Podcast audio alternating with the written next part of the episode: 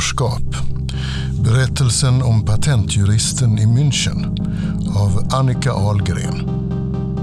Inläsare Harald Leander.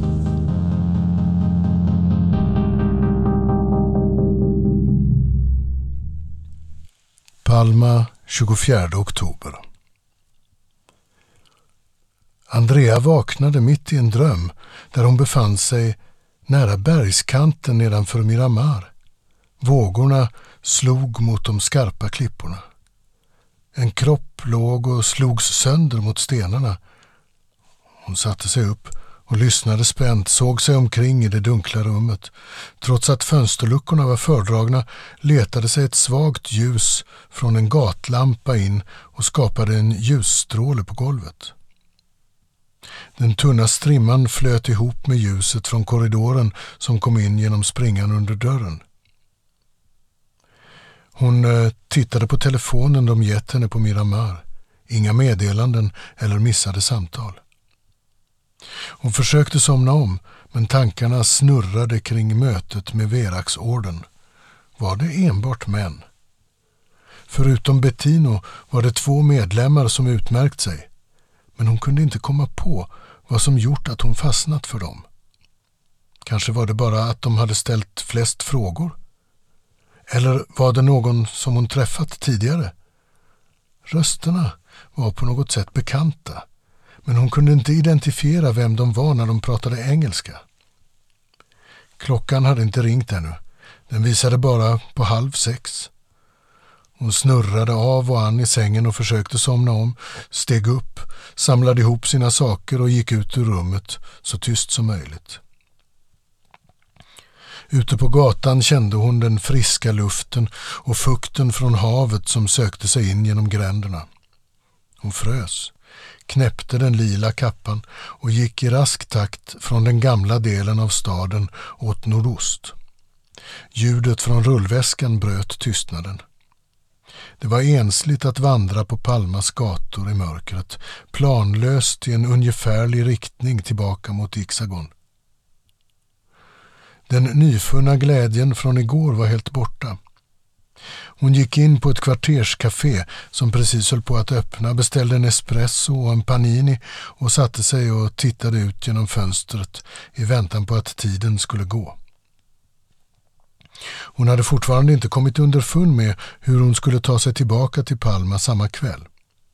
Tiden var dyrbar och hon behövde hyra en bil efter att ha träffat Ricardo för att kunna ta sig till och från Miramar. Tankarna gick till Corinne och hur det skulle kännas att träffa henne igen, nu när de inte var kollegor. Hon ville så gärna berätta för henne vad som hade hänt. Strax före åtta stod Andrea utanför Rixagon. Trafiken hade kommit igång och staden var på väg in i morgonrusningen. Bilarna köade redan in mot centrum på Carrer d'Arago. Höstluften kändes mättad av avgaser. I spegelbilden såg hon ovårdad ut så hon försökte släta till kläderna. Hon gick fram till kvinnan i receptionen som inte gjorde en min av att känna igen henne. Innan hon hunnit presentera sig kom Ricardo in från gatan och nickade åt dem. Andrea följde efter honom in i mötesrummet. Ricardo öppnade en flaska vatten som stod på bordet och hällde upp i två glas. Giorgio vågade inte skicka filen över internet, inte ens krypterad. Han la över den på ett USB-minne som han budade hit. Vi jobbar med hög säkerhet här och vet också att det finns risk att vi är övervakade. Kuvertet ska komma till kontoret nu på morgonen. Han sköt över det ena glaset till Andrea. Vi vill eh, förhandla ner summan för ersättning för att få tillbaka patentet. Vi är medvetna om hur mycket du har betalt från Fox Robertson, sa Ricardo. Oavsett om hon gav sig in i det här eller inte så var drivkraften inte pengarna i sig. Hon ville jobba för dem och dessutom gärna få klart för sig orsaken till att Federico hade fått sätta livet till. Jag riskerar att förlora arvodet från firman. Vad har ni för bud? frågade Andrea. Du får totalt 100 000 euro. Du får ingenting om du misslyckas.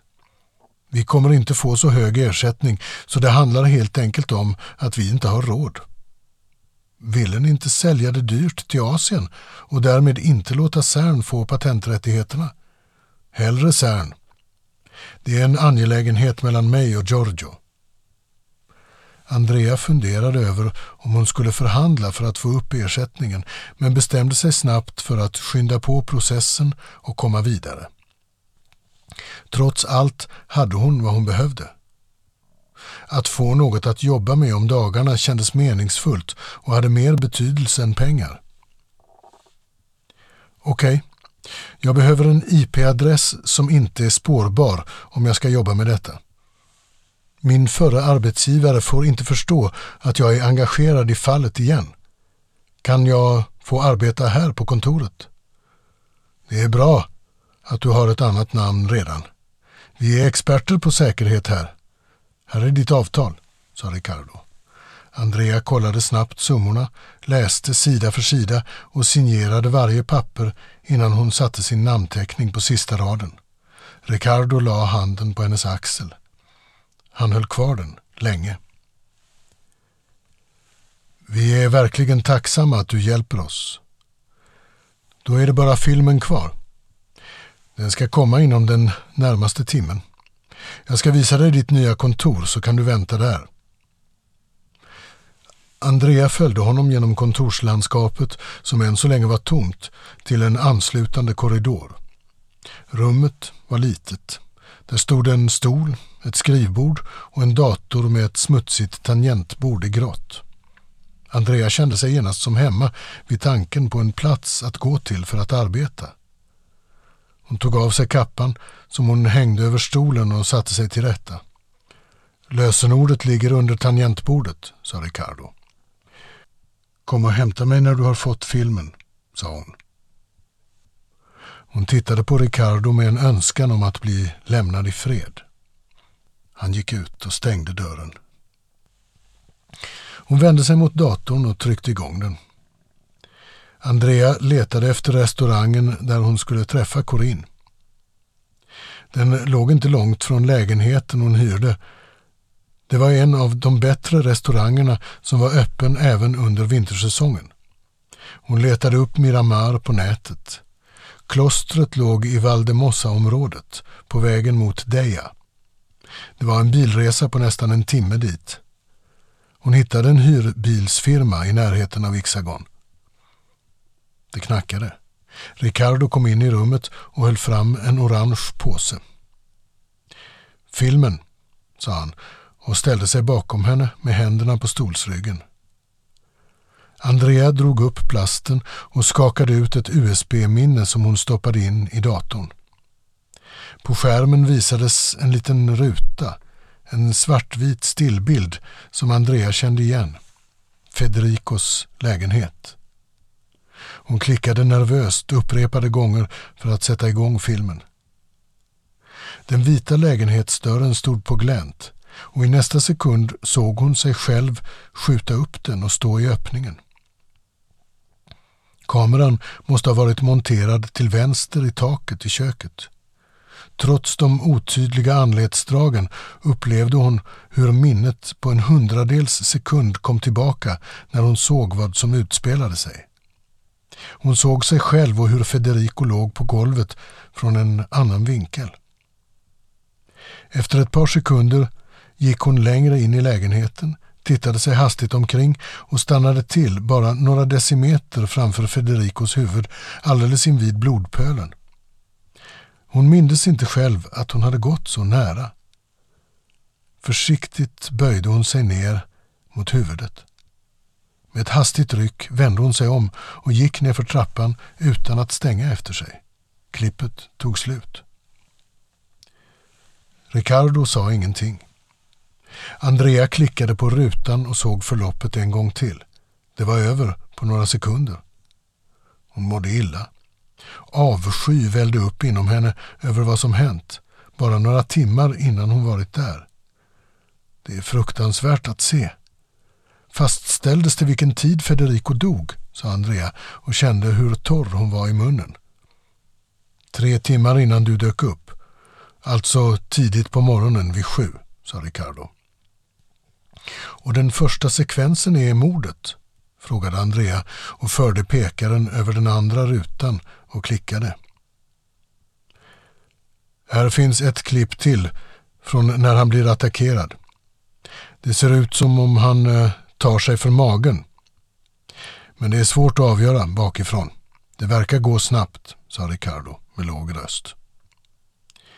Filmen visade hur personen, som var relativt kort till växten jämfört med Federico, kommer in i lägenheten, går ett par steg emot honom, hugger till innan han ramlar handlöst till golvet.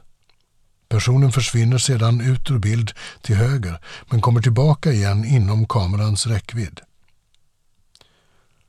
Han måste fått kniven i magen direkt.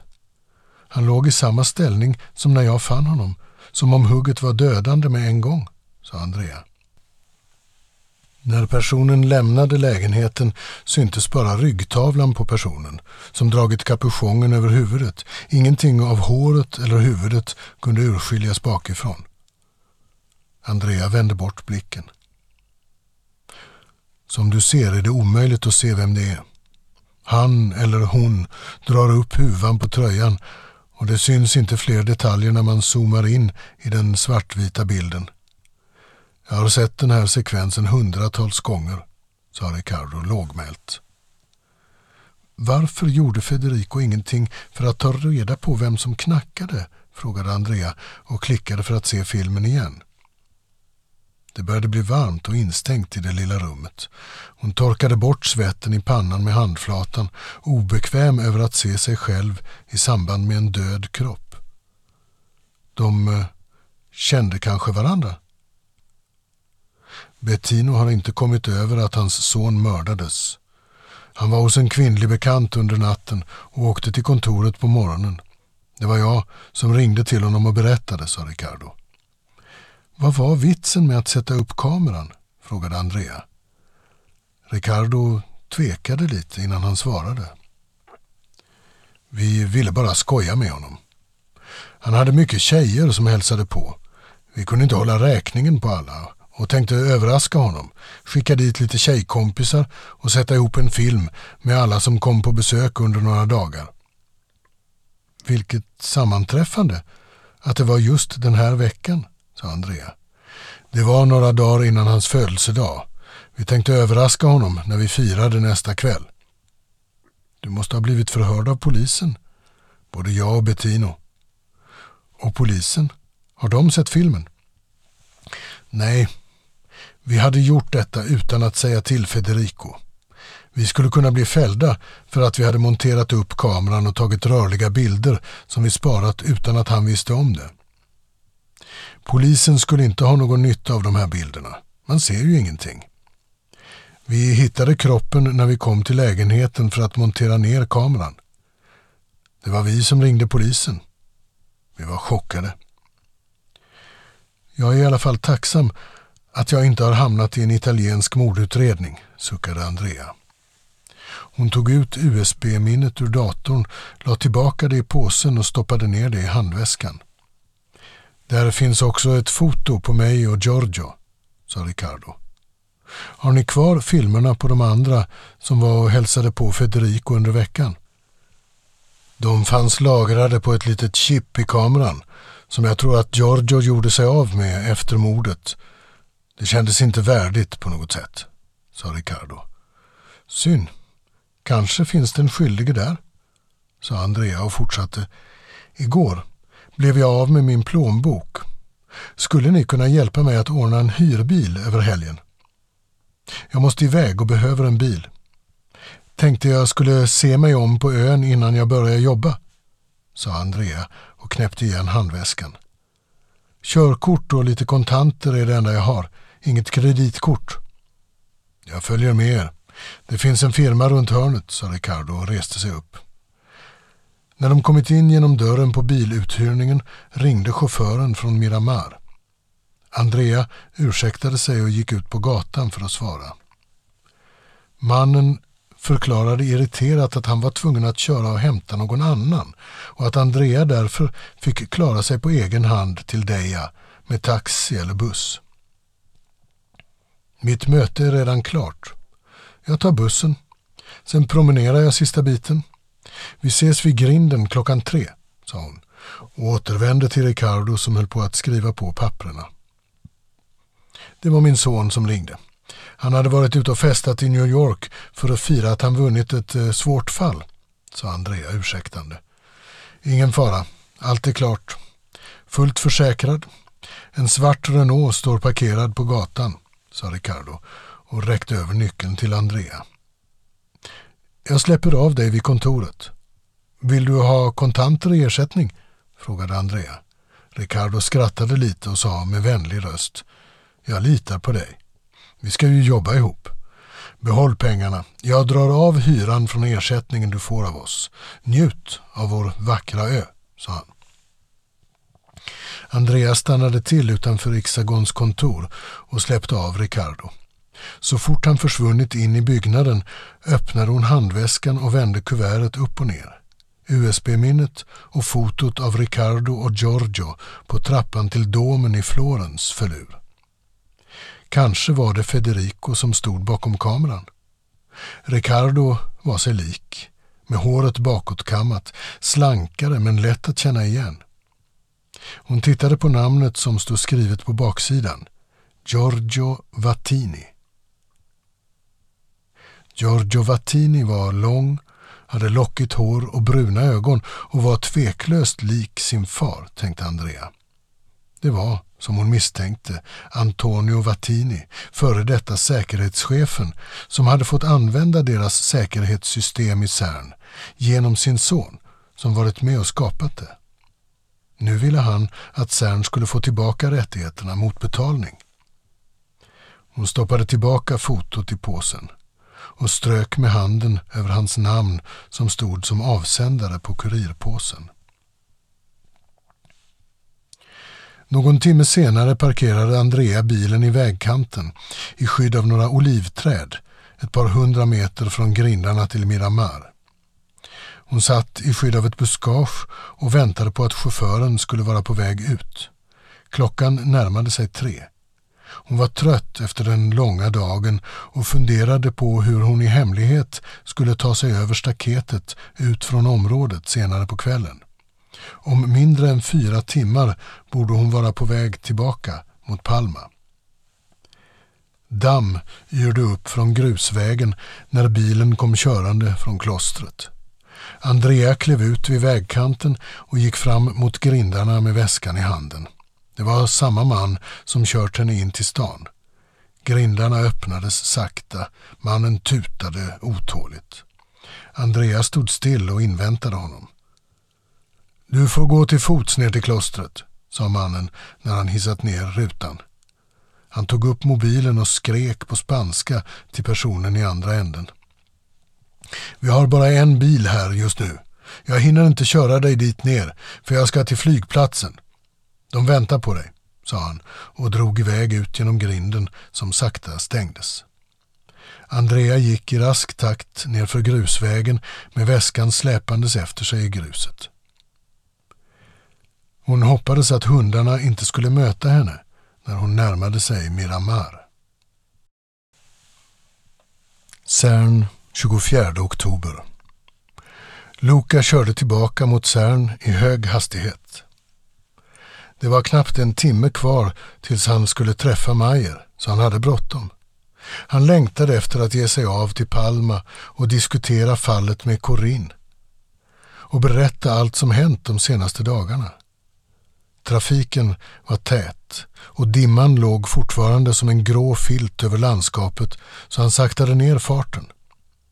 Ett litet flygplan flög på motsatta sidan av vägen i låg höjd och följde trafiken i motsatt riktning. Det var av samma typ som det han hade suttit i tidigare på morgonen, en Cessna. Det krävdes en erfaren pilot för att flyga med ett så litet plan till Rom, hade Antoine berättat.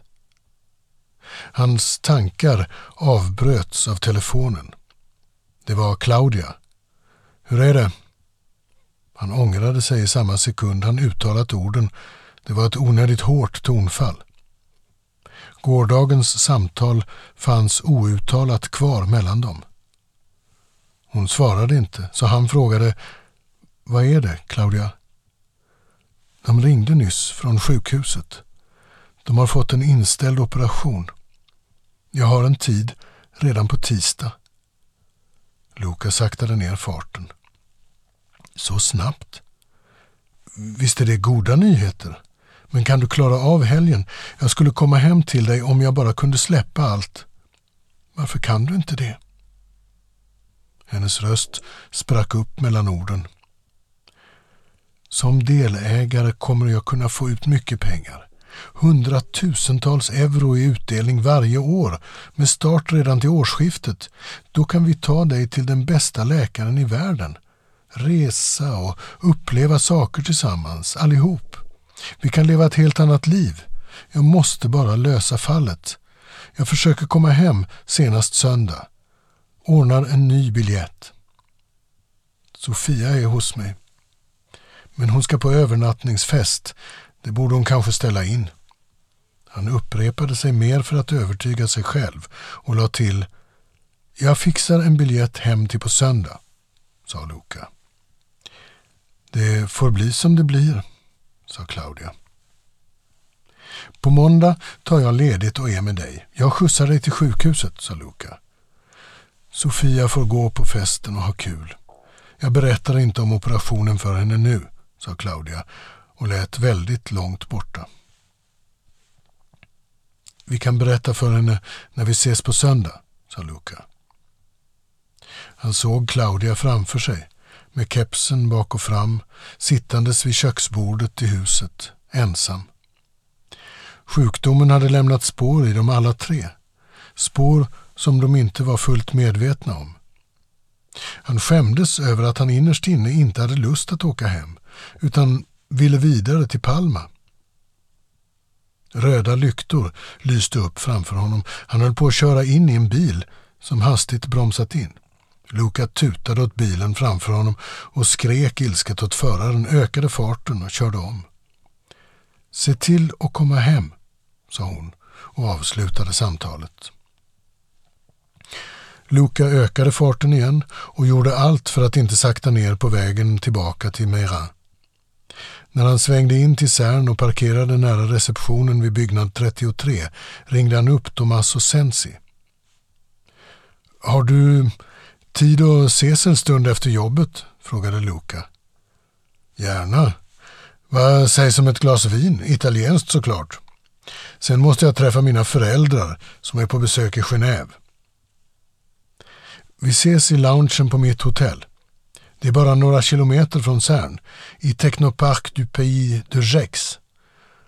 Hotell Ibis Saint-Genis-Pouilly, sa Luca. Det var några minuter kvar tills hans möte med Meyer skulle börja. Han ringde upp Marcus sekreterare. Kan du ordna en biljett till mig söndag eftermiddag från Genève till München? Jag kan försöka, men du har ju själv bokat biljetten tillbaka. Jag har inte dina uppgifter. Försök få tag på en biljett så jag är hemma på eftermiddagen. Genève München. Måste du krångla till det? Kan du inte bara fixa det? Luca la på och skyndade in till receptionen och frågade efter Mayer. En ny assistent mötte honom och tog med honom till samma korridor där Åke Torstenssons kontor låg. Tre dörrar längre ner. Doktor professor Mayer stod det på en skylt i borstat silver. Välkommen. Jag är ledsen att jag blev upptagen igår, sa Mayer och visade Luka in genom dörren. Rummet var mindre än Torstenssons men med utsikt över byggnaderna i Cern. Visningarna kommer igång strax. Jag kan se på tv-skärmarna vem som rör sig i besöksområdet. Inte så dumt för en säkerhetschef, sa Mayer och satte sig igenom fåtöljerna framför skärmarna. Skämt åsido. Vi har numera kameror som övervakar hela anläggningen dygnet runt, precis som i USA, där jag jobbade tidigare. Ni jobbar med Tommaso Sensi? frågade Luca. Han är chef över vår säkerhetsavdelning för området kring Atlas, sa Mayer och gick fram till fönstret och tittade ut över anläggningen. Förutom kameraövervakning inför han ett nytt säkerhetssystem med ögonskanner. Först i de delar som leder in till själva Atlas-tunneln på mitt initiativ. Där gick folk ut och in hur som helst när olyckan hände, sa Mayer och skakade på huvudet. Lokalen var än så länge tom på människor. Vi har så många besökare här varje år.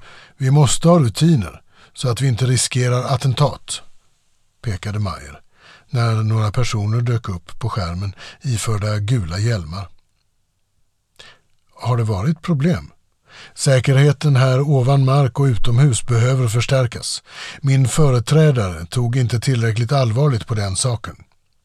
Hot förekommer, mer eller mindre seriösa. Vi hade ju elfelet som orsakade heliumläckan och stoppet här. Mayer tog av sig glasögonen och tittade närmare på skärmen när ytterligare ett tiotal personer dök upp i bild. Menar du att det var en brist i säkerhetssystemet? Hot kan också komma inifrån. Jag talade med er företrädare, Andrea Rucke, om detta innan hon slutade. Kompetent kvinna. Torstensson sa att ni ersätter henne, sa Mayer, satte sig igen och fortsatte. Det pågår en internationell jakt på talanger för att anställa kompetenta forskare och personer med erfarenhet från den här typen av anläggningar. Det finns krafter som strävar efter att rekrytera duktiga forskare. Man använder pengar och andra maktmedel för att ha kontroll över intelligensen i världen. Ni kan bara tänka vad det kostade att rekrytera hit mig från USA, sa han och skrattade till. CERN behöver moderniseras och det handlar också om en ökad säkerhetsmedvetenhet kring vad det innebär att jobba i en anläggning av det här slaget. Hemsidan, utställningen och känslan här känns något omodern, sa Luca. Det är inte pengar som fattas. Möjligen är det prioriteringarna i den öppna forskarmiljö som karaktäriserar CERN. Forskare ägnar sig inte åt sådant som för allmänheten skulle göra CERN mer attraktivt. CERN har varit igång i 50 år. Kanske har ni inte följt med riktigt i tiden? frågade Luca. Att ha rätt kompetens innebär kunskap, färdigheter och rätt beteende för att göra sitt jobb här i CERN. Han sträckte på sig och la en bok på bordet. CERN Competency Model CCM 2008. Vi eh, har forskare här som verkligen behöver jobba med att utveckla sitt säkerhetsbeteende, sa Mayer och suckade. Och resultatet, när blir det klart? Frågade Luca. Vi ska jobba igenom detta materialet på alla våra avdelningar. Det är flera tusen personer, så det lär ta ett par år. Han räckte över boken till Luca. Jag är medveten om att problemet är akut. Det är extra olyckligt för vårt rykte att anläggningen står stilla så långa perioder i sträck. Luka tyckte att Mayer var väl frispråkig för att vara ansvarig för säkerheten och kommenterade inte vad han sa. Istället bläddrade han lite i boken. ESS rekryterar forskartalanger till Lund i Sverige. Även om inriktningen inte är densamma som här förlorar vi kompetens. Sverige är ett populärt land att bo i och det skulle kunna betyda att vi tappar ledningen ur ett vetenskapligt perspektiv. USA är också på hugget. De vill också hitta Higgspartikeln till varje pris. Värsta scenariot är att CERN urvattnas på kompetens, finansiering minskar och anläggningen läggs ner i förtid. Mayer satte sig ner igen och tog av sina glasögon. Han putsade dem omsorgsfullt med en näsduk han hade i kavajfickan. Jag är här för att få er signatur i egenskap av säkerhetschef så att jag är godkänd att ta ansvaret för tvisten vad gäller patenträttigheterna, sa Luca och la fram papperna på det lilla bordet mellan fåtöljerna. Han tog fram sin penna och lade den ovanpå mappen. Mayer började ögna igenom papperna. Er företrädare Antonio Vattini han dog hastigt. Vad hände? frågade Luca. Jag ska vara ärlig, sa Mayer, la ner papperna. Antonio Vattini hade bara en tillförordnad tjänst som säkerhetschef. Han visste om att jag var mer meriterad och hindrade mig från att söka tjänsten. Hur han hade fått den förstår jag inte. Det handlade nog om hans relation till Torstensson. Vi hade annars ett gott samarbete, men han gjorde ett misstag. Luca väntade på att han skulle utveckla sitt resonemang medan han tittade på skärmen som visade ingången. Vattini lät bli att kontakta ombudsmannen för att få konkreta råd kring hur han skulle hantera säkerheten. Istället sopade han problemen under mattan. Vilket av alla problemen? Luca kunde inte låta bli att låta sarkastisk. Det elektriska felet som uppstod den 19 september, nio dagar efter att vi kört igång tunneln då stora mängder helium läckte ut. Människor kunde ha dött av explosionen som var extremt kraftig. Det kunde slutat i en katastrof. Ingen här hade tänkt på effekterna av helium. Det var minus 40 grader i tunneln efter läckan. Vi försökte tysta ner det. Pressuppbådet blev enormt, bara några veckor efter att vi skickat vår första protonstråle i tunneln. Men av fel anledning. Mayer skakade på huvudet. Vattini äventyrade dessutom vårt rykte när han gick ut i pressen och uttalade sig om olyckshändelsen och samtidigt svarade så dumt på frågan om riskerna för uppkomsten av svarta hål. Tror du heliumläckan är ett attentat? Frågade Luca kort. Vattini blev stressad av allt det här. Dessutom besviken för att han inte skulle få behålla tjänsten efter årsskiftet. Han dog sen plötsligt i en hjärtattack Dödsfallet hände så tätt in på olyckan bara några dagar efteråt, sa Mayer och hejdade sig. Missförstå mig inte. Jag beklagar att han dog. Men hur dog Vattini? frågade Luca. Han fick hjärtattack. I bastun. På sportanläggningen i Cern. Tänk hur snabbt livet tar slut, utan förvarning. En helt vanlig dag efter en badmintonmatch, sa Mayer. Vem eh, hittade honom? Personalen fann honom död på morgonen. Bastun hade någon automatisk timerfunktion som slogs av vid midnatt. Han hade väl fått hjärtattack i den höga värmen innan dess. Vem var den sista som såg honom i livet? Torstensson. De hade spelat badminton. Men han hade åkt hem efter matchen medan Vattini stannade kvar. Jag hörde att det fanns tecken på att han försökt ta sig ut därifrån. Det pratades om fingeravtryck på glasrutan i bastun. Jag känner inte till detaljerna. Det är bara spekulationer. Mayer tog pennan i vänster hand och synade den vita symbolen på korken innan han skruvade av den. Har ni varit i Rom? frågade Luca och försökte låta så neutral som möjligt. Ja, men det ledde ingen vart. Vi får bara ett blankt nej för att få använda den patenterade mjukvaran i kombination med vårt förslutningssystem. Vem som ligger bakom köpet förstår jag inte. Det är beklagligt. Vi har verkligen inte råd tidsmässigt att börja om från början med tekniken. Hela anläggningen har gått i stå och under tiden får vi skylla på alla möjliga tekniska orsaker för att förklara förseningarna, sa Mayer med en suck och gick fram till en av skärmarna. Har Torstensson anledning att besöka patentkontoret i Rom? Nej, varför skulle han det? Efter Vattinis bortgång ansvarar jag och inte Torstensson för patenten som hör ihop med CERNs säkerhetsaspekter, sa Mayer och blinkade till Luca samtidigt som han skrev på pappret.